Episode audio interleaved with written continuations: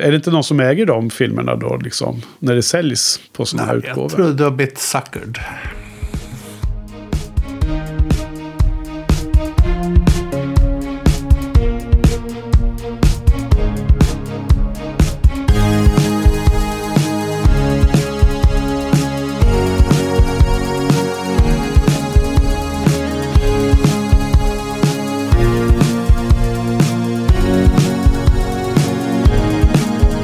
Okej, hej och välkomna till uh, Shiny-podden, säsong 4, episod 13. Med mig Frans har jag Henrik från uh, Fripps filmblogg. Och idag... Ja, hejsan. Hej Henrik, hej. idag ska vi prata om filmen Young and Innocent från 1937. Och Precis. Uh, det är lite otydligt med titeln här. Vem är det egentligen som är ung och vem är det som är oskyldig? Är det den manliga huvudrollsinnehavaren? Är det den kvinnliga huvudrollsinnehavaren? Är det alla barnen? Mycket oklart, men i den amerikanska versionen så har de gjort det enkelt för folket genom att döpa om filmen till The Girl Was Young. Så de har tagit bort det här oskuldsfulla och de har bara förklarat att det är flickan som är ung. Det är allt, allt man behöver veta. Ja, jag vet inte om man kan eh, gissa att det är eh, Alfred Hitchcock som är ung och innocent. Eh, eh, jag tror inte att det är det man ska tolka det som i alla fall. Eh, och jag, jag vet inte om jag nämnde det förra gången att jag ju varit lite så här oeffektiv på mina beställningar av Blu-rays och så. Så att jag fick ju hem den här Blu-ray-skivan idag, vet du. Ja, Young and. Innocent. Och då hade jag redan hunnit se filmen eh, på, på andra, från, från andra resurser så att säga. Som finns ute på internet. Men nu har jag min Blu-ray här nu då, av Young and Innocent. Och eh, till min glädje så var det, var det en del extra material faktiskt. Som jag har tittat nu på, på kvällen här innan poddningen faktiskt. Jaha, vad kul. Ehm, Och, det, och anledningen till att jag bara, bara tänkte Young and Innocent på Hitchcock. Det var bara för att det är en 25 minuters eh, dokumentär eh, som är gjord från eh, England med engelska personer som intervjuas. Bland annat en filmvetare som har skrivit någon eh, biografi om Hitchcocks brittiska år. Som heter Charles Barr. Och eh, han, han är väldigt trevlig att höra på. Han, han, han är väldigt eh, intressant. Och han har också gjort en introduktion till filmen. Men han, eh, han är med i den här do- dokumentären på 25 minuter då, som heter Hitchcock the Early Years. Ah. Och, och det är alltså inte samma, det är inte alls samma dokumentär som var med på den här boxen, du vet. Den Nej, där nej, precis. Det också så. Va? Ja, den hette ju precis samma, samma namn, så jag bara tänkte nej, det är samma liksom, vilken otur. Men jag kommer ihåg att du, du såg inte ens klar den, för det var de här franska, pompösa, lite dryga filmvetarna som, Ja, gud. Ja, som inte var så roliga att lyssna på, va? Nej, precis. Eh, ja. Men det här var något helt annat. Men de gick igenom samma, samma fas då, de här, de här filmerna, fram till och med nu då när han lämnar för Hollywood alldeles strax då, som, som vi snart har kommit fram till i vår poddning. Är det- och, är det- eh, det, N- när Ja. skedde det egentligen? ja, ja, det är lite lustigt för att vi, vi bryter ju nu efter nästa veckas, eh, vad heter det nu, The Lady Vanishes, va? Heter den. Eh, och sen så gjorde han ju en film till då i England. Och som var givet efter de kon- kontrakt han skrivit på. Och det är ju då Jamaica In som Okej. är den sista tydligen. Men vi valde ju att bryta här därför att Jamaica In är ju skriven på en förlaga på en bok av, eh, vad heter hon nu då? Daphne, eller? Daphne de Maurier. Just det. Och då så hade han gjort fler filmer mm, på, på hennes böcker då, ehm, som vi skulle komma till nästa fas av Hitchcock. Så det tyckte vi känns naturligt att vi höll ihop dem då. Så det, man kunde prata med dem lite mer när, eh, nära, närmare varandra så säga, och inte ha ett långt break. emellan. Ja, precis. Det är, det är dessutom två i rad där. Jamaica In och Rebecca. Som är baserade på Rebecca var det, precis. romaner, det Jo, men åter till Innocent. För att det är så lustigt här för att vi, det har ju framkommit ibland när man läser olika texter eller ser olika eh, bakom eh, dokumentärer etc. Att eh, Hitchcock eh, var liksom en, eh, en prankster. Han, han, han gjorde sån här, eh, han gjorde hyss emot sina medarbetare och skådespelare.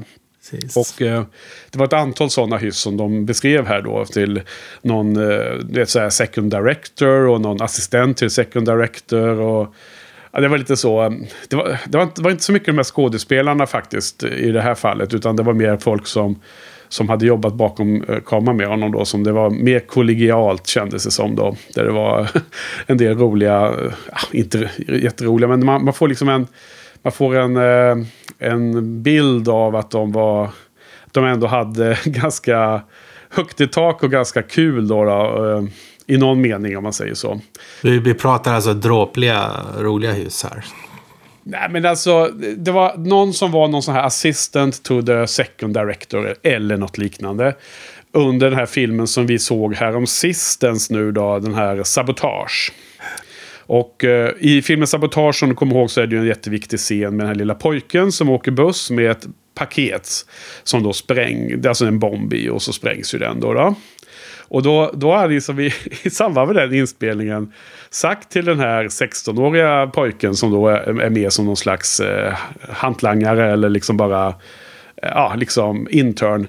Att han ska bära ett paket upp till någon annan person på andra våningen i ett hus. Och så har Hitchcock sagt att du, får, du måste vara jätteförsiktig för annars så smäller det här. Precis som i filmen liksom.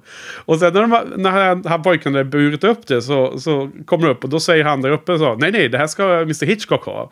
Så fick han ju bära ner det igen, bära ner det den långa vägen. Och sen när han väl kom ner då så tog Hitchcock fram en, en hammare och bara slog sönder paketet. Nej, stackars kille.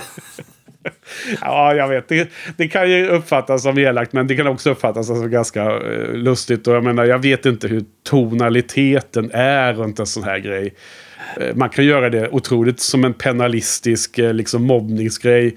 Man kan också göra det som en right of passage där liksom de blir bundisar och den här unga pojken, unga killen liksom verkligen få in en fot i det där gänget liksom. Och massor med kända regissörer och sånt. Så jag vet inte, jag, jag tror det är svårt att döma så här i efterhand. Jo, det vet man det var ju länge inte sedan. såg hur det var. Nej, ah, ja, Men det var en liten utvikning om Young, and Innocent. Men vilket fall som helst, nu finns det eh, Blu-rayen här så vi... När man är ja. sugen på att se om just den här filmen så ska jag få njuta av bättre bild och bättre ljud än vad jag njöt av när jag såg filmen här om sistens för några dagar sedan. Wow. Jag hade, jag hade perfekt perfekt bild och perfekt ljud. Det var lustigt att du sa det här om andra källor. För att när jag tittade efter den här filmen för en vecka sedan ungefär. Då, då fanns den bara att hyra på någon sån här brittisk eh, typ BFI eller något sånt. De hade en BFI eh, Old Movies Club eller något sånt där. Okay. Men sen när jag kollade några dagar senare då fanns den helt plötsligt på Amazon. Så det var som att de hade fört över rättigheterna där precis i veckan nu. Ja, de, de håller, håller sig ajour med Shiny-podden här. ja, precis. Hitchcock, eh, fas 1 av Hitchcock. Ja, precis. precis. Äntligen någon, någon som pratar om den här gamla gubben, tänker de. Måste göra, ja, så, göra det så lätt det. som möjligt för dem. Så det var kul. Men det här är då en, vad ska man kalla det för? Det är alltså en eh, oskyldigt anklagad komedi, skulle jag vilja sätta genren till. Ja, men är det inte genre nummer ett A från Hitchcock liksom? Eh, jag menar som vi kommenterade när vi pratade lite på Messenger innan, innan poddningen häromkvällen. Att det är ju som, den är ju jättelik det, den här filmen The 39 Steps. Alltså ja. om man ser till den huv, huvudsakliga strukturen på, på filmen. Eller? Håller du med? Ja, på sätt och vis. Alltså, absolut, om man, om, man, om man bara beskriver vad som händer och vilka som är med och så vidare så är det svårt att separera den från den. Men ändå så tycker jag att den ger inte alls samma intryck som 39 steg. Jag tycker att det är en hel del humor i den här filmen. Det är nästan som en komedi med, med det temat att han är oskyldigt anklagad. Men ändå så tycker jag att den här filmen är ganska tråkig faktiskt. Jag tyckte den var svår, svår. Det var svårt att ta sig igenom den och inte alls den här spänningen som fanns i de 39 stegen. Trots att det händer i princip samma saker. Ja. Vad tycker du? Alltså, ja, eh, absolut. Jag ska komma Eh, till det. Jag menar, om vi ska säga lite kort då för, för de som vill orientera sig i eh, Hitchcocks digra filmografi. Vilk, eh, vilken film vi nu pratar om så är det den här filmen med den unga mannen som blir oskyldigt dömd för ett mord och som får hjälp inledningsvis motvilligt och senare mycket medvilligt av polischefens dotter. Jag håller väl med om att den kanske inte är lika potent som den här The 39 Steps som fullfjättrad och tekniskt eh, genomförd film med allt ifrån manus till klippning och tempo och liksom så. Och även skådespelarna kanske var, eller var väl helt klart starkare i The 39 Steps, tänker jag mig. Ja, precis. Det, det tycker jag är en av de bidragande orsakerna. Han, han som spelar huvudrollen i den här Young and Innocent är ganska Ja. medioker faktiskt. Och drar ner filmen rätt, rätt rejält. Ja. Jo, lite så kanske. Ja. Alltså, jag vet inte om han är helt superkass, men... Alltså... Vad heter han nu? Han heter väl eh, Derek DeMarney som Robert här då, Tisdale. Han, han spelar en sån här klämkäck karaktär, men han, han, det, det, liksom det, det känns inte alls... eh, Det går inte fram liksom. Det känns inte ärligt på något sätt. Nej.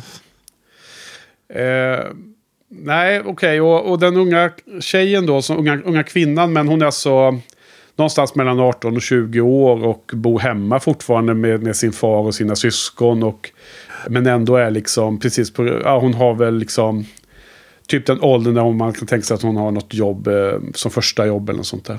Hon spelas ju då av eh, Nova Pilbeam som, som var den unga dottern i, som, som blev kidnappad i eh, The Man Who Knew Too Much som vi såg.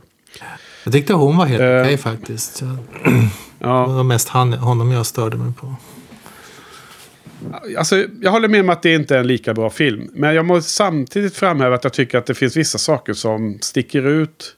Som gör att det blir en ganska bra companion till The 39 Steps på ett sätt. Och, Ja, okej, vad spännande. eh, jag menar det, de, är, de är så lika på, på pappret om man skriver ner handlingen i korta drag.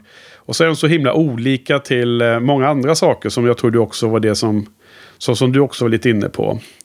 Eh, jag menar, dels så är den utspelas den ju eh, dagtid och är ljus. Den, alltså, det är så ljusa scener om man jämför med The 39 Steps. Som utspelas väldigt mycket på kvällen och i liksom regnigt Skottland och mitt i natten på ett hotell etc. Ja, just det. Eh, och eh, det, det sätter en annan känsla. Och du kallar det en ren, mer som en komedi. Och jag tycker att båda har ju väldigt mycket humor. Ehm, och båda har mer humor i andra halvan än första. Och båda eh, mynnar ju ut i någon form av romans. Eh, mellan den manliga huvudrollen och den kvinnliga då som... Och i båda fallen är de ju lite ovilliga deltagare till att börja med. Och i båda fallen så, så svänger det ju när de inser att, att huvudpersonen är oskyldig. Eh, Så att det finns ju...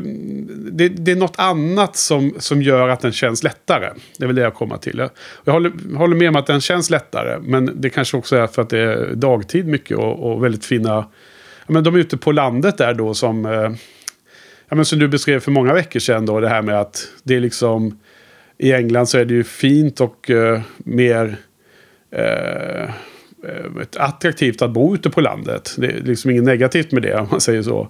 Medan storstads... eh, eh, det jäktiga livet i storstaden är kanske lite mer slummigt liksom. Eh, den andra saken som skiljer sig... Om du inte hade nå, nå, någon... Eh, djuplodande kommentar om det där. Det där Nej, att det var ljust och det var dagtid. Nej, det tycker jag var en, en klockren observation. Jag, jag kanske inte håller med riktigt om att båda har lika mycket humor. Jag tycker den här har mycket mer eh, rena skämt i sig än vad 39 stegen hade. Även om båda, båda är roliga så är den här, känns det som att den här är mer gjord för att vara lite mer lättsam och klämkäck. Ja. Ja, nej, men det kan jag nog... Det håller jag med om. Det, det, det vill jag inte säga emot på något sätt. Eh, Sen, sen, så känner jag inte att det var... Det var, var inte så här liksom pajasskämt att de ramlade omkring och hade sig så mycket. Va? Utan Nej, det var ingen båda fars. filmerna har väl ändå... Det var ju, det var ju alltså komisk dialog. Var det väl. Ja, just det. Ja, ja men eh, dialog är alltid härligt när det är kul. Eh, men, men den andra av tre saker som skiljer sig. Det är ju som att de här, alla de här trill, eh, jag tror det är sex stycken i rad som är thrillers. Eh, och som slutar med The Lady Vanishes. Då är ju alla utom denna just. Handlar ju då om i någon mening stor poli politik. Och, och det är första världskriget och det är spionorganisationer och det är eh, mellankrigsproblematik med olika spioner hit och dit. Eh, allt från The Man Who Knew Too Much till Sabotage och Secret Agent och The 39 Steps och The Lady Vanishes. Men, men just den här eh, har ju inget sånt. Här är det bara en helt vanlig privatperson som känner en, en kvinnlig skådespelerska som blir mördad i början av filmen och som blir oskyldigt anklagad för det. Och så blir han liksom eh, så, räddad av... Ja, eller han, han eh, flyr och för att bevisa sin oskuld och så lyckas det till slut. Då. Ja, jo, precis. Det är Så, nästan, nästan som att den här tänk- filmen är en, en, en, en klassisk deckare där han bara har gjort det ointressant vem, vem, mördaren är utan fokuserar, precis som du, du pratade om för några filmer sedan, om att han fokuserar mycket på, på spänningen och inte på mysteriet. Ja, precis. Därför att det är lite intressant där. För att Who Done It är det ju inte. Ett, alltså det är ju inte, det är inte det som är drivkraften i filmen. Att vem har gjort det. Utan Eh, man får ju se en första scen där man får se den här eh, kvinnan som blir olyckligtvis mördad. Med hennes man. Och de har ju ett fruktansvärt gräl. Och mannen går ut i regnet och ser väldigt miserabel ut. Och, och liksom ser, ser argsint ut. Och sen nästa scen får man se att hon sköljs upp på stranden då och har blivit drunknad. Och snabbt så ser man också ett mordvapen med ett eh, skärp till en eh, regnrock. Och, och jag menar, jag tycker det är väl helt givet att det var han som gjorde det. Och det, det är ju det det är också. i Why won't you slutändan. You quit me eight years ago to go on the screen. I, who worked for you, took you out of the chorus, lifted you out of the gutter. Now you spend your time going around with boys, you. Go on, say it, say it! Eh, Den, den, den sista eh, skillnaden som jag tycker är ganska intressant faktiskt. Och som eh, jag, jag då eh, får erkänna att jag plockar upp från den här dokumentären som jag såg här nu på tidigare kväll. Det är liksom att de är ju eh, ett jämställt par faktiskt. Eh, det börjar ju med att hon eh, räddar ju honom i någon mening. Dels så svimmar han ju av under förhöret och hon kommer in och uppvisar sina så här girl scout alltså, kunskaper och, och få honom att kvickna till liv snabbt och sådär. Och ge honom brandy och allting. Och sen så eh, är hon ju delaktig i, eh, i högsta grad i att uh, hans flykt och så. Det slutar med att hon kör iväg med honom i sin bil och såna grejer. Och, och i se, senare i filmen så räddar han ju henne. Uh, de har ju kommit med bilen och för att gömma sig från jagande poliser så skulle de åka in i en gammal eh, gruva av någon anledning. Och då åker ju bilen rakt ner genom något slags eh, något schakt där. I något dåligt mörkret eh, golv eller något sånt där. Så att de håller på och slukas upp av, av, av jordens innandöme. Och hon håller på att försvinna men han, han räddar henne i sista sekund. Där, där Så jag tycker det är en ganska härlig del att de har ett sånt eh, frejdigt eh, förhållande de två. Liksom, det är inte eh, så klassiskt som The 39 Steps så är den väldigt stark. Väldigt så här hjälteaktig eh, man som bara är eh, unfaced i alla lägen. Och sen så har han en, en kvinna som sitter fast vid honom vid handklovar. Och därmed är hans medhjälpare mer eller mindre mycket mot sin vilja. Till, Tills hon då vänder på, på steken i slutet av filmen. Ja, nej men det, det, det, kan, det kan jag köpa också. Jag tycker bara det är synd att, att han är så dålig som skådespelare. Om de hade haft Ja, en, en, ja, en, men- en person som hade passat i den rollen så hade den, jag, jag tror att man hade köpt den, eh, den eh, interaktionen dem emellan mycket, mycket, mycket bättre. Och då hade det kunnat varit en mycket, mycket bättre film också tror jag. Ja. Men det, den här, Ja, du, nej, det du var- nämnde den var här scen, du nämnde när de räddades ur gruvan där. Det finns en lustig kontrast tycker jag mellan två, två scener i den här fil, filmen. Ja. Det- Dels ah, ganska snart i filmen så den här personen som blir oskyldigt anklagad hittar den här kvinnan som har blivit mördad. Hon har spolats upp på en strand. Och när, när man ser honom att han hittar henne så har han filmat det precis underifrån så att man ser hans ansikte liksom svävar svävar i himlen. Så det ser nästan ut som att han är en, som någon himmelsk varelse som tittar ner på jorden.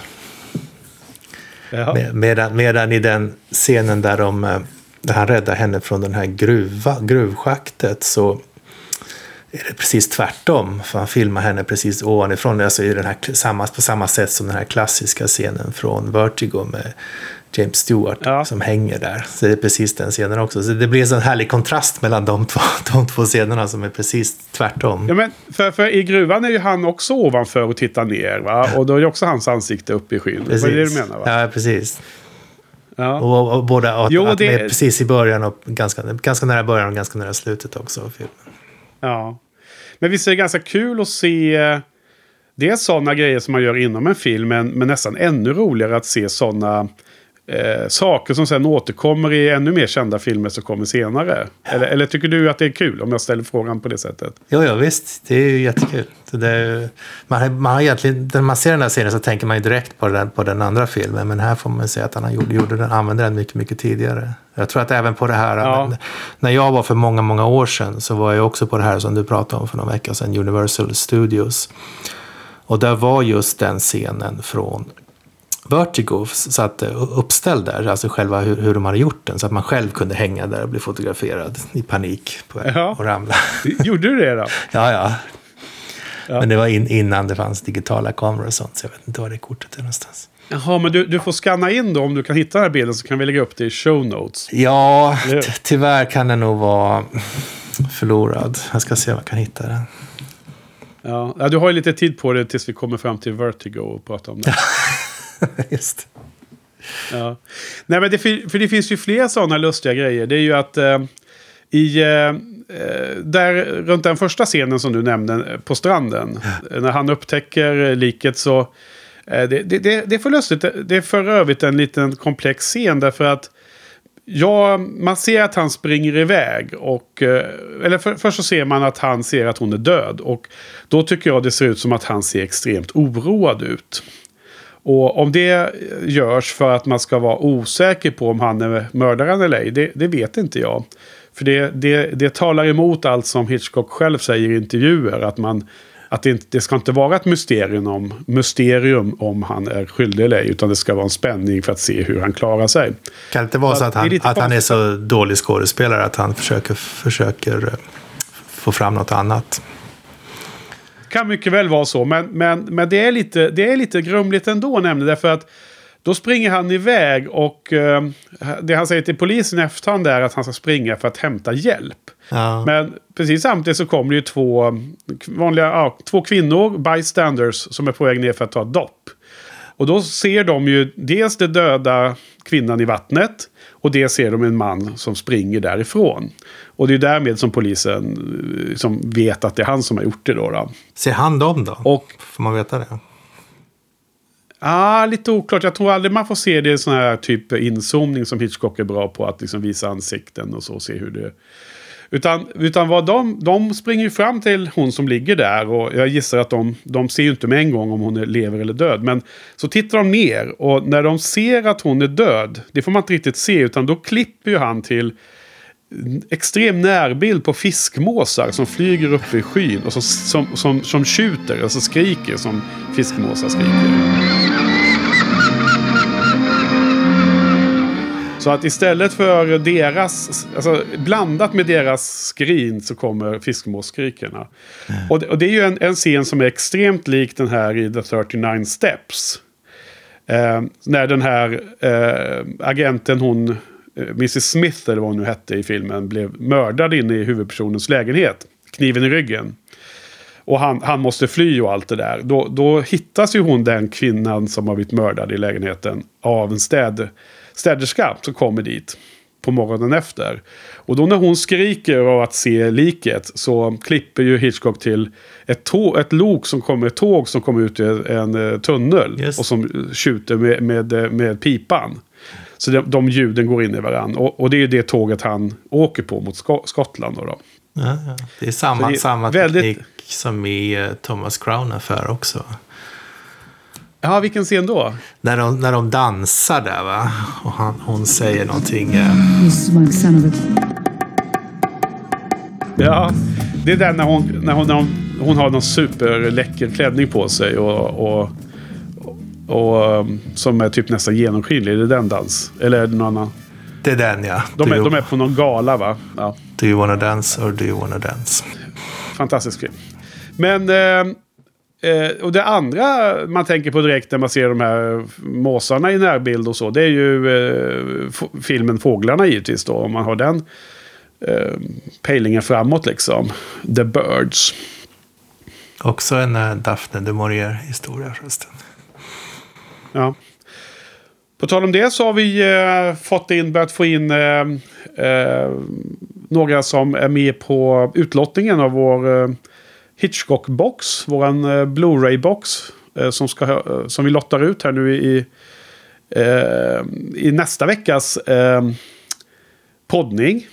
Eh, så ska ju det lottas ut och då... Eh, eh nu, eh, nu så har det säkert kommit in bra många fler eh, eh, folk som är med. Men vi har, eh, nu när vi spelar in det här som är lite tidigare som, som ni alla vet. Så, så har vi börjat strömma in här nu eh, de här eh, folk som vill vara med i ut- utlottningen. Och det är jättekul att se. Ja, kul. Det är ju Ja. väl- väldigt, väldigt spännande att se vem som vinner. Det är spännande. Okej, du, ehm, vad heter det? Eh, nu känns det som att jag har suttit och, och, och smält det länge här sedan du sa att... ehm, för jag gick in i den här poddningen och, och hade en känsla av att du eh, skulle gilla den här filmen ganska mycket. Och sen lät det på det som att du sa att den var, den var typ svag, eller vad du sa. Så du måste återknyta till det. Vad, vad, vad tycker du om filmen egentligen? Jag, jag blev så förvånad. Jag, jag vet inte riktigt. Jag, jag tyckte nog att den var ganska bra när jag såg den, men samtidigt så blev jag ganska uttråkad att se på den. Ja. Och eh, jag inser också att så här två dagar senare så har jag glömt bort ganska mycket. Jag brukar glömma filmer snabbt, men, eh, men det här känns som att man har, har glömmer liksom i samma takt som man glömmer en dussin komedi. Ja. Så, här- så, här- så, här- jag, tror, jag tror att det film som jag gärna skulle tycka var bra, men som...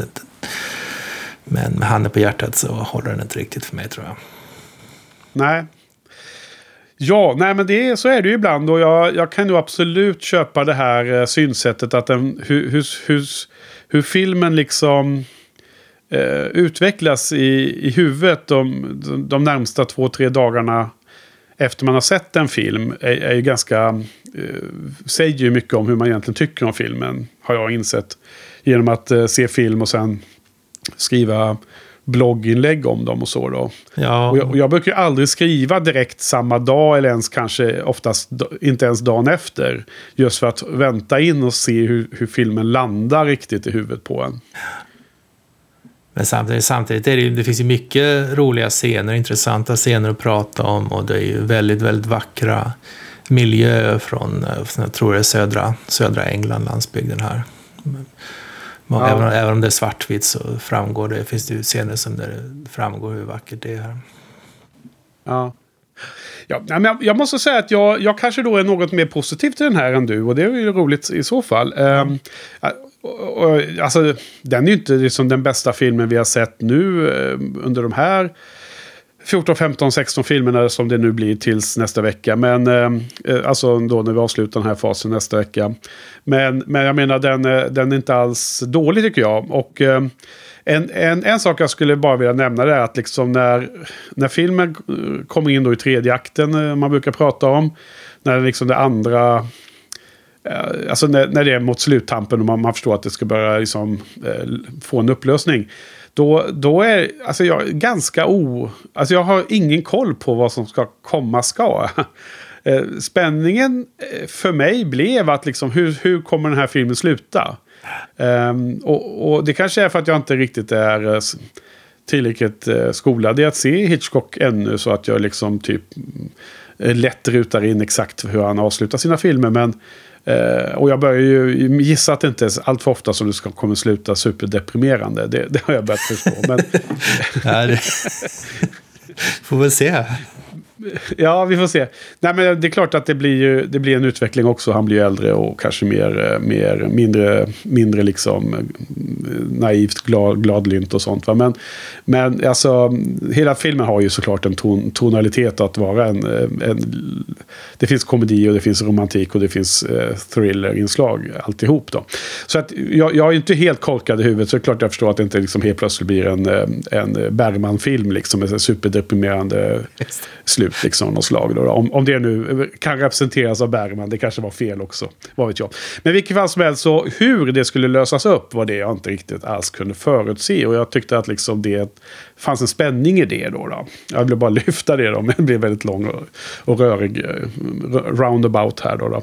Just det. Ja, vi får väl komma till själva menar, slutscenen tycker jag är filmens behållning. Sen så finns det scenen på barnkalaset också som är, antar jag, intressant. Ja, alltså om du menar den här helt brutalt fantastiska långa tagningen in i danssalen i slutet. Om det är den du menar som sista scen. Precis, den, den sista, sista riktiga scenen. Det kanske kommer något efter. Den, den, I den slut, eh, crescendot i tredje akten då innan man har liksom det här liksom avrundningen då. Precis. Ja, alltså, jag håller helt med. Den, den, den, den scenen är ju helt otrolig. Och, och gör ju att det här, den här filmen har ju ett berättigande och en viktig plats i filmhistorien. Eh, både inom Hitchcock och inom generellt sett skulle jag säga. För den är ju helt fantastisk scen. Ja, jag tycker vi håller lyssnarna på halstret lite. Vad, vad, ja. vad ska vi prata om den här barnkalasscenen? Det känns som att den, den finns där av ett skäl och att det finns massa massa paralleller till eh, filmens handling. Men jag har inte riktigt lyckats reda ut allting. Har, har, du, har du bättre koll på det? Uh, ja, alltså. Jag tror att det Hitchcock säger i intervjun med Truffaut är att när amerikanarna klippte bort den scenen så tog de bort liksom essensen i hans film. Eh, Precis, nu, det, var där, det var därför jag trodde att den var central. Ja, nu kom jag på det. För att jag har också hört det här att han, han var arg för att de klippte bort den scenen.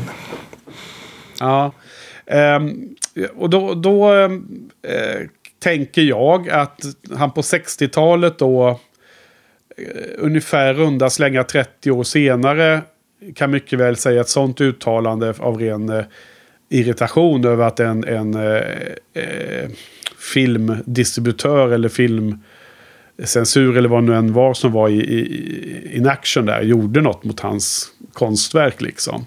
Så det behöver egentligen inte tas som liksom 100% bevis för att det finns något supercentralt i den scenen. Nej. Men, men jag tycker att, äh, att äh, det de lyfter och det, och det som scenen har det är ju att det finns ju en hel del äh, spänning i scenen därför att det är mitt under den mest, mest hektiska jaktsekvensen där polisen är på jakt efter ehm, de här två.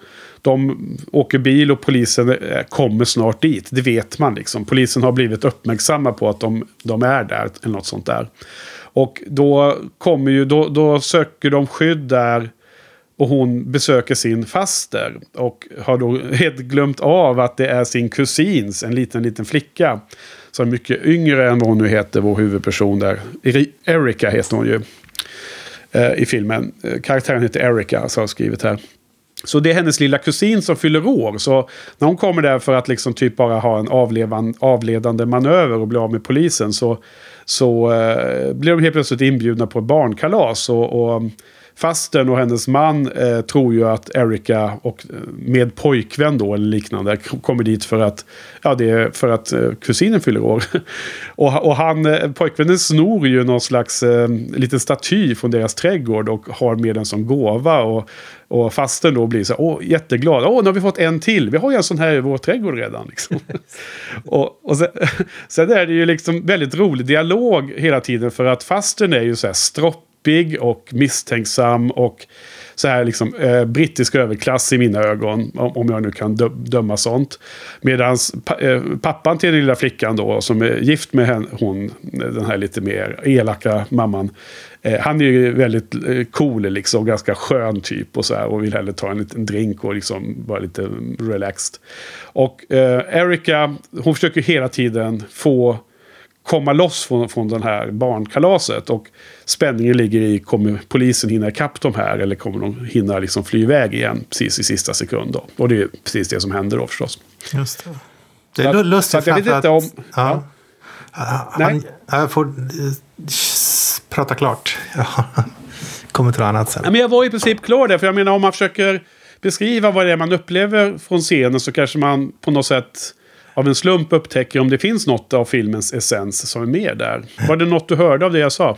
Ja, precis. Nej, jag håller med. Jag, jag tänkte att det kanske fanns ännu mer där i och med att han, som jag förstod det, tyckte att den var så viktig för filmen. Men det var som du sa först, att det, man kan inte lita på att han verkligen tyckte det. Han kanske mest var arg, arg för att de har klippt bort den. Ja. Men, men det är intressant när du sa att, han, att han, de, de är, måste ha bråttom för att polisen jagar dem. Jag tycker det är en, en lustig grej som också har att göra med att det är dagtid i filmen. Att han, varje gång de stannar någonstans eller är någonstans publik så ska han alltid gömma sig på olika ställen. Ja. Och det misslyckas alltid, han blir alltid upptäckt. Men de som upptäcker honom misstänker ju inte alls att han är den här efterspanade personen. Nej. Ja, och, och, det är någon, fast någon gång är det en polis som känner igen honom och då, då lyckas ju hon liksom eh, typ fixa så att de kommer därifrån. Så att hon blir ju mer och mer involverad och mer och mer liksom eh, går emot sin pappa och hans poliskollegor. Så att det är ju en, finns ju en spänning i sig där då, hur det ska gå för henne där. Men det här, det här ja, födelsedagskalaset, ja. det här kalaset, är inte ja. det lite likt från, återigen 39 steg, den här äh, politiska mötet där, lite samma grej, de har bråttom och helt plötsligt blir de indragna i något så att de gör att de blir försenade. Ja, det stämmer faktiskt. Eh, absolut, det tänkte jag inte på. Men det, jag håller med som, som eh, ett moment i filmen där det blir ett avbrott och, och, som också är ganska humoristiskt på, på många sätt och vis. Är det här helt klart eh, coolt. Eller vad säger, liknande. Ehm, det, det, det, blir lite mer konsekvens eh, och det kanske är det Hitchcock var störd över för att eh, den här frun i familjen då, fasten eller vad det nu är. Hon, hon misstänker ju dem så mycket så att hon ringer ju till pappan till Erika till slut. Så det, det är på det sättet polisen får upp eh, få, få, få, få vetskap om vart de ska åka och så igen. Då. Alltså det, det, det, det är på det sättet som jakten tar fart igen på något sätt. Så, så att om man klipper bort det så blir det kanske en väldigt konstig, o, oförklarad uh, ny energi i, i, i jakten på den förrymda mördaren som polisen tror då. Just det. Och, och sättet som de kommer bort ifrån det här huset och, och, så, det är ju mannen i huset, han som är lite mer laid back, han fattar ju snabbt att Erika vill liksom inte vara där längre av någon anledning. Och hon och den här pojkvännen då. Så han, eh, han hojtar ju att de ska börja spela det här, den här leken med barnen där någon, någon ska vara blindfolded och så ska den, ska den gå runt och försöka fånga folk då. Vad heter den leken? Det heter något på engelska. De kallar det för blind man's bluff va? Okej. Okay. Ja. Va, va, vet, vet, kommer du ihåg vad den heter på svenska? Eller? Ingen aning. Jag visste inte ens vad den hette på engelska innan jag såg filmen. Ja, men blindbock heter väl bara förresten? Heter inte det? Kanske det gör. Ja. Ja, nu känner jag helt, det låter, låter bekant. Ja, annars så får eh, sån här eh, ord och grammatikexperterna bland våra lyssnare skriva in i kommentarerna om jag kommit ihåg fel. Men i alla fall så då, då nominerar han ju hon frun i huset i alla fall som var den första med blindfold. Och, och då kan ju Erika och vad han nu heter huvudpersonen, den manliga, smyga sig ut. Men, men på vägen ut så kommer ju hela tiden frun husen mot dem hela tiden givetvis. Och det är liksom duckande och komma undan och så här och, och så. Så det finns ju en liten både humoristisk och spänn, spännande del i den scenen också. Som, som kanske inrymmer det mesta som den här filmen innehar. Alltså in, ingår i den här filmen då. då med både ja. och liksom sånt. Ja, precis. Ska vi, ska vi, alltså, det finns väl några grejer som jag vill... En grej som jag blev väldigt upprörd på innan vi kommer ja. till slutet. Och det, de åker iväg. De åker i bilen och de har haft en porslinsmugg. Det är lite långt att dra anledning till det. Men de har, de har en porslinsmugg med sig som de inte behöver längre. Och då slänger hon bara ut den på vägen så att den splittras på, på vägen där. Och som tur var så är det de själva som får punktering va? Nej, är det polisen som? Nej. Nej, det är polisen som. Nej, det är ju Ja, det är ju efterföljande bil. Jag tror inte ens att det är polisen. Jag tror det bara är liksom typ ah, en familj. Ah, sorry, sorry. Men varför är det upprörande att kasta porslinet? Därför att jag cyklar så mycket här och det är sån, sån typisk engelsk grej. Man inte, om man druckit ut sin öl, bara slänger man den på närmsta cykelbana. Så att någon annan, okay. någon annan ja, får punktering. Extremt irriterande för cyklister. Men det är också generellt sett extremt irriterande beteende att hålla på och skräpa ner på det sättet. Ja, visst. Jag kom, kommer du inte ihåg när du och jag bilade i Sicilien och man såg de här fruktansvärda högarna med skräp på, på, längs vägarna ute på landsbygden? Ja, men det var ju, Folk det bara var ju kastat ren, sina... Nej, nej, det var ju ren maffiaverksamhet. Alltså maffian har köpt upp um, sophanteringen. Och, och, och sen så går, åker de ut och slänger på vägen. Ett stort problem i södra Italien. Just det, så var det ja. ja precis, det var inte riktigt samma, samma scenario. Jag kommer bara ihåg att jag... Jag kommer bara ihåg känslan av att vad fan, kastar folk saker rakt ut i naturen eller? Ja. Okej, ja, det fanns en annan story bakom det. Ja, ja, sorry. Jag kom ihåg fel. Men Ja. du, eh, lustigt att... eh, För jag, hade, jag, hade, jag kommer ihåg scenen nu när du nämner den, men jag hade liksom inte riktigt lagt märke till den när jag såg den. Men det är ganska roligt att du nämner det här med kasta tekoppen, därför att det, det var också med på dokumentären som jag såg här nu ikväll. Okej. Den här brittiska dokumentären som jag nämnde ju. Och det var liksom en anekdotiskt att de berättade om att Hitchcock hade något himla konstigt hyss för sig. För att han, han, han, han skulle dricka sitt afternoon tea mitt i inspelningen. Och det var ju lite roligt för de berättade också att, att varje dag så hade han ju liksom en, sin personliga barberare som, som då eh, rakade, hjälpte honom att raka sig. Liksom. Och det skulle han göra mitt i inspelningen. För han vill, liksom ha, han vill inte missa det. Han ville vara med och inte missa liksom någonting. För att han vill ju styra allting eh, själv. Och det har man ju fått en känsla av i de här dokumentärerna. Att han har ju väldigt så här, eh, kontrollbehov och väldigt så här, ville styra detaljerna. Så det skulle vara exakt som man hade tänkt ut filmen. Och eh, det, det andra då, vid sidan av att ha själva rak-sessionen mitt i inspelningen, var ju då att han drack sitt afternoon tea. Och sen varje gång så kastade han bara tekoppen över axeln. Yes. Också helt absurda beteende för- förvisso. Men, men, så då krossades ju de då på detta sätt. Så, och så har det ju återkommit i den här filmen då tydligen. Så det kanske är en liten, liten superintern eh, blinkning till sin egen tics han har för sig där i verkligheten. Ja, det lär det ju vara. För det finns egentligen ingen annan, annan anledning att ha med den scenen. Nej. Intressant. Ehm, och, och på tal på internt och allt det här så, så har ju den här filmen en väldigt känd cameo av Hitchcock själv. Eh, som vi redan har, har, har nämnt, så jag vet att du har lagt märke till den och så vidare. Kommer du ihåg nu, direkt i poddningen? Ja, det är väl precis utanför polishuset va? i början när han, är, han har blivit haffad av polisen. Han lyckas ju fly där på ett ganska komiskt sätt. Och precis när de går ut, alla går ut genom dörren för att leta efter honom, då står Hitchcock där med en kamera. Va? Ja, precis. Och det är ju Robert han heter, vår huvudperson, som jag, jag har hela tiden glömt vad han heter. Men Robert heter den manliga. Han, han eh, flyr ju från eh, domstolen. alltså allt är ju helt absurt hur polisen bara släpp, kan släppa honom. Och det roliga är att han, han tar på sig ett par glasögon.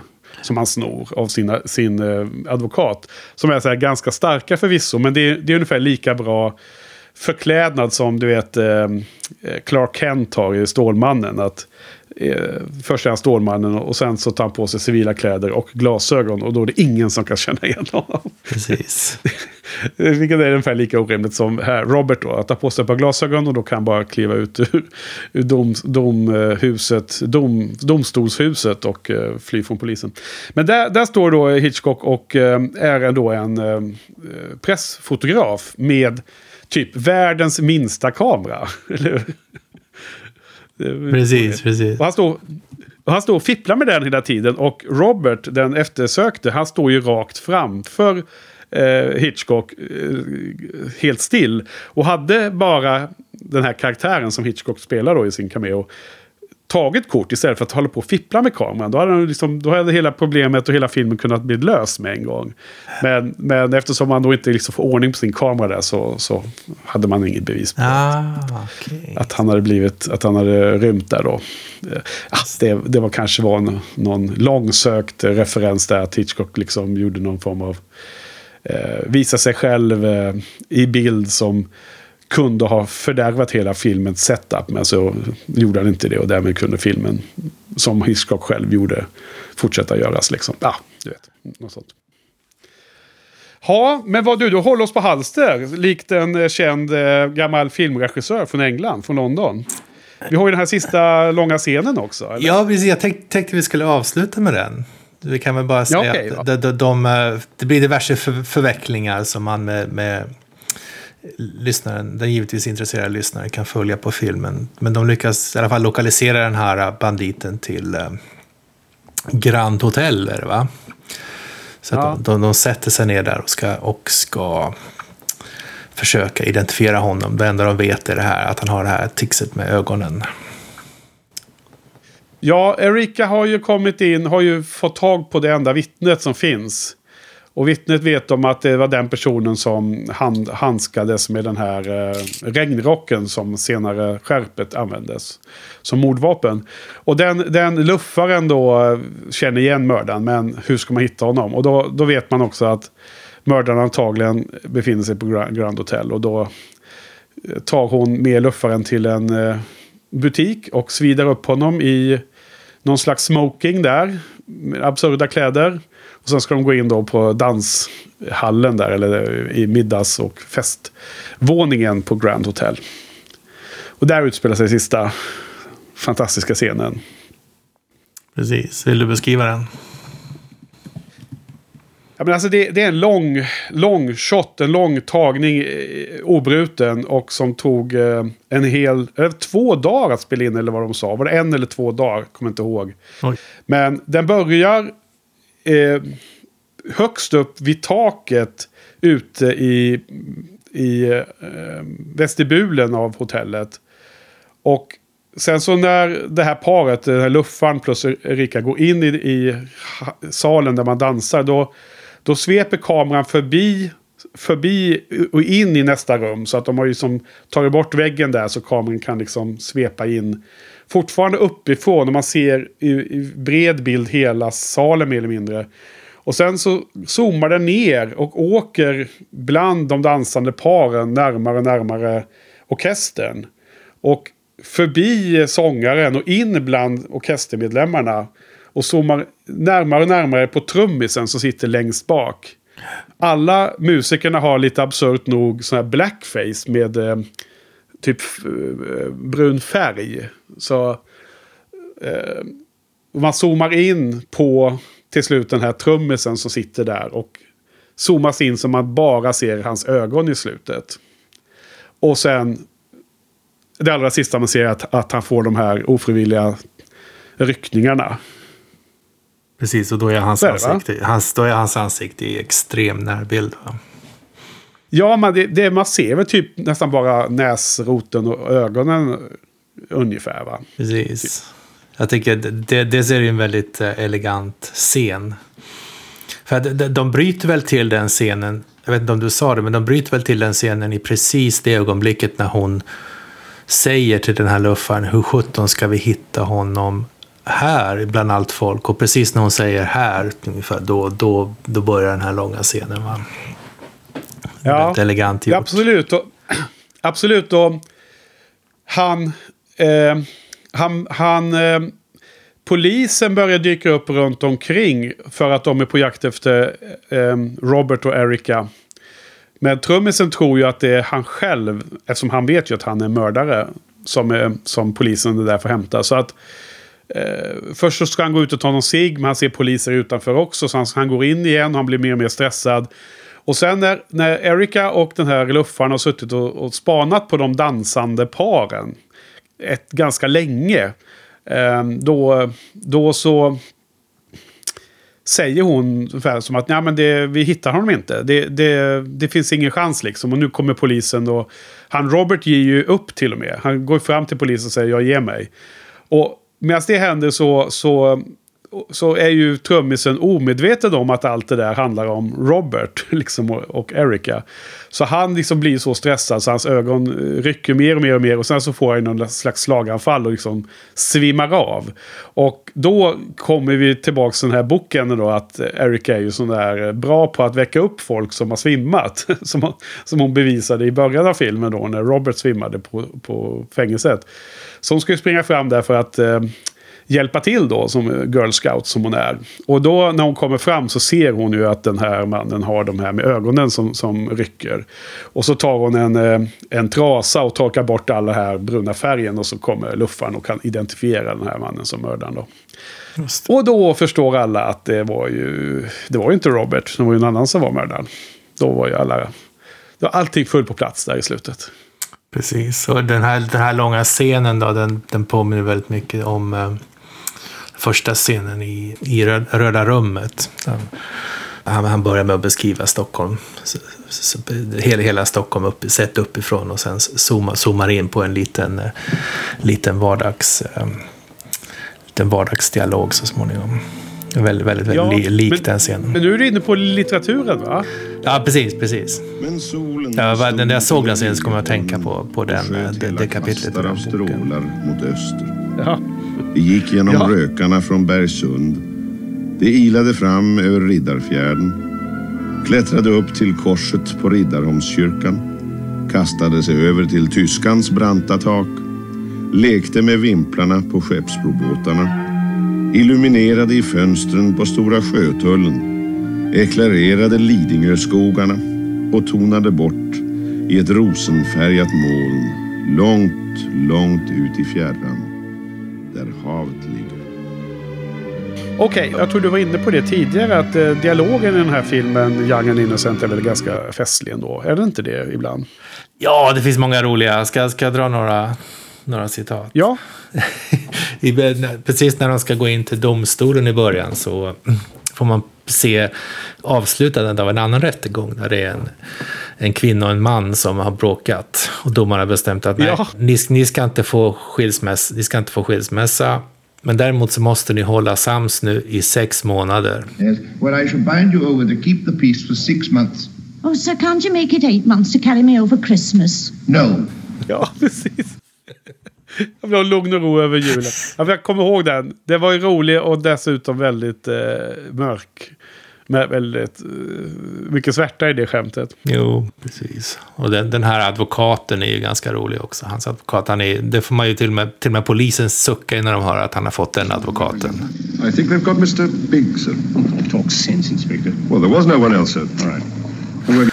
För då, då är det liksom kört. Ja, just det. Det är han med de tjocka glasögonen som senare Robert eh, stjäl för att kunna Precis. eh, skaffa sig sin fantastiska disguise för att kunna fly. Han, han är lite som gamla tidens... Eh, eller ja, det ska jag inte säga. Men, men han, han, eh, han, han går ju bara in för att få reda på hur mycket pengar han Robert har. Så att han kan få alla de pengarna i arvode innan, innan det är för sent.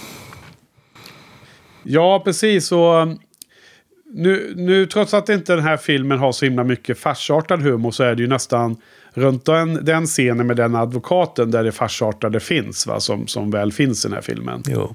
Han, han är ju ganska... Han är liksom en... en det, är- det är fars. Ren fars med den snubben, tycker jag. Det, det eller? Jo, jo absolut. absolut. Ja. Ja. det, är inte, det är inte bondfars som i um, The Farmer's Wife. Va? Är Farmer's Wife. Nej, det, det är Farmer's Wife är det inte. Eh, det var ju han, han pratar om att eh, en rättegång och sen ska de överklaga och sånt. Och så tror jag att han pratar om det tre eller fyra veckor eller allt vad det är. Och sen så slutar det på att, att han ska ha betalt två pund i alla fall. Um, så det var ju tydligen, eh, som, det måste vara mycket pengar på den tiden va? Två pund. Ja, jag vet faktiskt inte. Det var väl allt han hade på sig va? Jo, men också att de... Eh, han hade ju lite så här eh, change kvar i fickan. Och det kunde han ju köpa... Han kunde ju köpa liksom, fylla upp hela tanken med bensin och ändå få tillbaks pengar. Ja, på det är sant. Det är små mynt han hade. Så att det var ju liksom... Det var ju fragment av fragment sen som fyllde en hel bil. Så att, med bensin. Så att det var ju... Det var en del. Och det att han, att, att han Robert svimmade på, på fängelset. Det var ju för att han fick veta att han skulle ärva 1200 pund av den där... Eh, hon som blev mördad. Ja, just det. Det måste ha varit jättemycket pengar. Ja, precis. Ja, han. Men du, den här eh, advokaten man nu kan heta, att han som var ganska fånig. Han hade ju inte en sån där lustig peruk som de hade. Märkte du inte? Eller, eller var det någonting man bara har inne i domstolen? Ja, i, i, domstolen, ja precis. Ja. Och jag, jag sitter här och tittar på en annan eh, film som kom i, i posten i, i, i fredags. Som, eh, jag ser på en väldigt vacker eh, herre här eh, som heter Gregory Peck. Ah. I Alfred Hitchcocks The Paradigm Case. Oj. En eh, av filmerna från nu Amerikatiden. Så den här kommer ju i nästa fas, tror jag. Oj. Så den har kommit nu. Den har också massor med roligt extramaterial för övrigt. eh, Med eh, dokumentärer och intervjuer och annat. Okej, nog om det. Ja, Okej, nej men vad kan man säga egentligen om den här sista scenen? Alltså om, om man känner sig intresserad av Hitchcock mer än bara se de mest kända filmerna så tycker jag nästan att Young and Innocent kan ha en, eh, en poäng just på grund av den här härliga scenen i slutet då. Eh, med, med den brasklappen att det finns ju risk att vi har översålt den nu. Bara, bara för att vi såg den ospoilad så, och sen börjar prata om den massa så kommer alla andra som har lyssnat på vårt snack då se den spoilad och med alldeles för höga förväntningar antagligen. Ja, nej men jag tror att, eh, jag vet inte, har du några, eh, några notes kvar eller? Nej, men jag är väldigt nyfiken på att veta ditt betyg. Ja, ehm,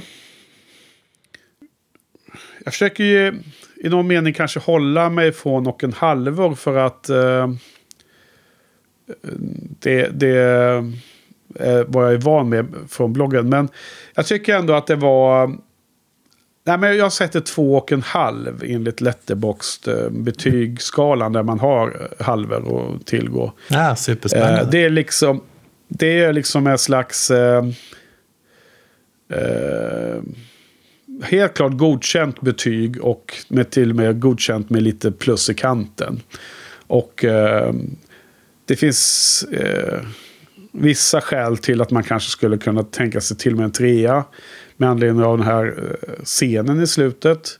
Men, men eh, någonstans i, i det hela så håller jag ju med om att, att liksom hela helhetsintrycket är inte lika starkt som, en, eh, som de här filmerna som jag har gett tre i år. Och, och därmed så får den vara lite under tre blir det ju då.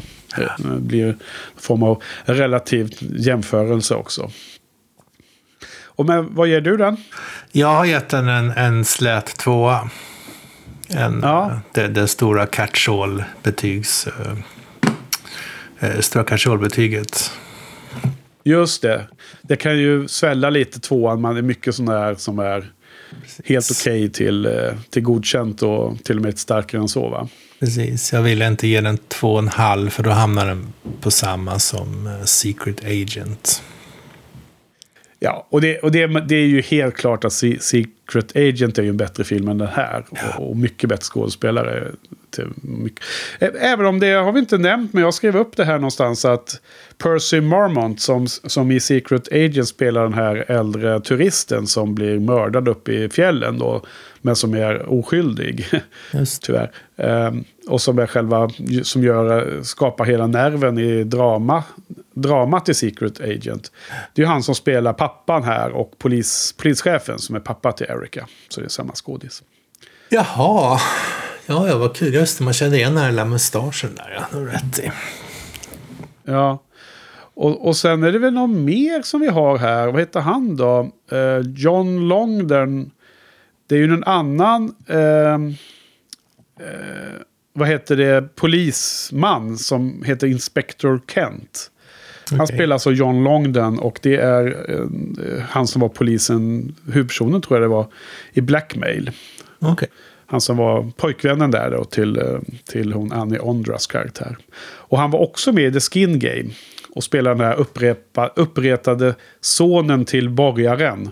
Sonen som skulle förskjuta sin fru. Du vet, den, den figuren som... Ja, just det. Just det. Det var John Longden. Så att återigen då så har vi det här att Hitchcock har sina återkommande skådisar. Eh, alternativt eh, din eh, förkla- förklaringsmodell att det inte fanns så många att välja på heller. Just det. Just det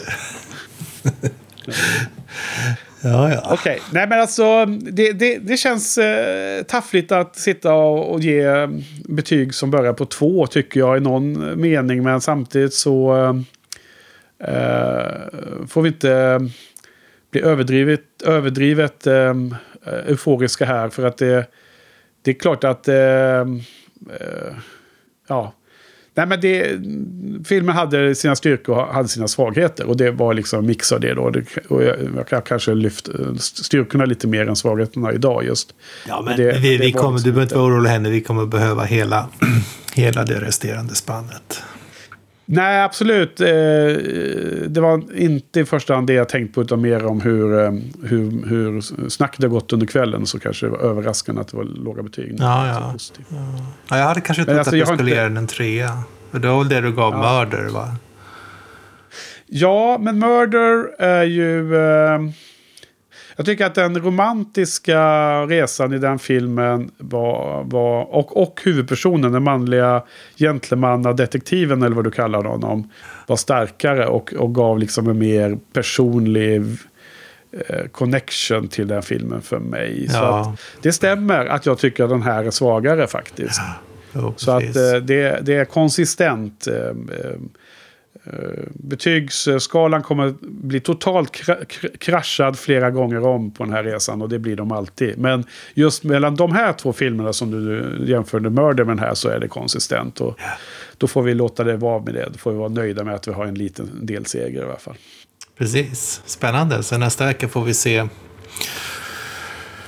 Kanske få en liten sammanfattning och se vilka hur filmerna har placerat sig. I, eh, Ja, precis. Eh, för att just det, nästa vecka är ju då sista eh, eh, Shiny-podden om Hitchcock för den här fasen. Och då avslutar vi med den här filmen som vi redan nämnt, The Lady Vanishes. Vanishes och eh, den är från 1938. Och eh, efter det så kommer vi eh, som vanligt ha en liten paus på några, två, tre veckor. Och sen kommer vi gå igång med en annan ett helt annat ämne än, än Shiny-podden nästa säsong som vi kan prata mer om nästa vecka Frans. Men det är klart att vi får väl försöka wrap it up lite och eh, vi ska försöka undvika gå till överdrift med eh, eh, listor i in absurdum och, och speciellt med tanke på att vi kanske i eh, värdparet du och jag så kanske vi bara har 50% av oss som är riktigt sugna på att göra listor. ja, ja, Och då kan vi, kan vi hinta om att det är inte är du. ja, ja, jag har kommit på ett genialt sätt att göra en lista utan att behöva göra en lista. Så det kan vi dra nästa gång. Okej, okay. ja, vad spännande. Och Det blir spännande, då får vi se vad det är då. Men jag, jag har väl tänkt att man kanske skulle i alla fall eh, eh, ta de fem, sex eh, bästa filmerna av de här 16 som vi kommer ha sett blir det va? Eh, 14 avsnitt och så andra och tredje var ju dubbla filmer. Så att Ja, 16 stämmer. filmer har vi faktiskt snart sett, Frans, i det här, på den här resan. Det är ju mycket. Ändå knappt börjat. Precis, vi har ju eh, planerat det som att det blir tre säsonger med Hitchcock totalt sett. Inom framtiden någon gång. Men det är nästa vecka, The Lady Vanishes och vi kanske har en liten wrap, wrap it up lite så då. då. Okej, spännande. Vi, eh, tack Henrik. Tack Frans! Och tack till publiken på återhörande. Ja. Sen vill jag också bara påminna alla lyssnare att för er som eh, vill vara med i eh, lyssnartävlingen där man kan vinna en eh, Blu-ray-box innehållandes sju Hitchcock-filmer så ska ni skicka in ett mail till shinypodden.gmail.com och där eh, så får vi era namn så är ni med automatiskt i tävlingen.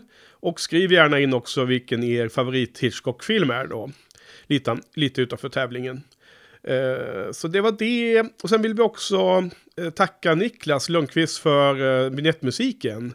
Niklas som har en podcast som heter Späckat. Eh, som handlar om Eh, tv och videospel. Så lyssna på den om ni gillar gaming.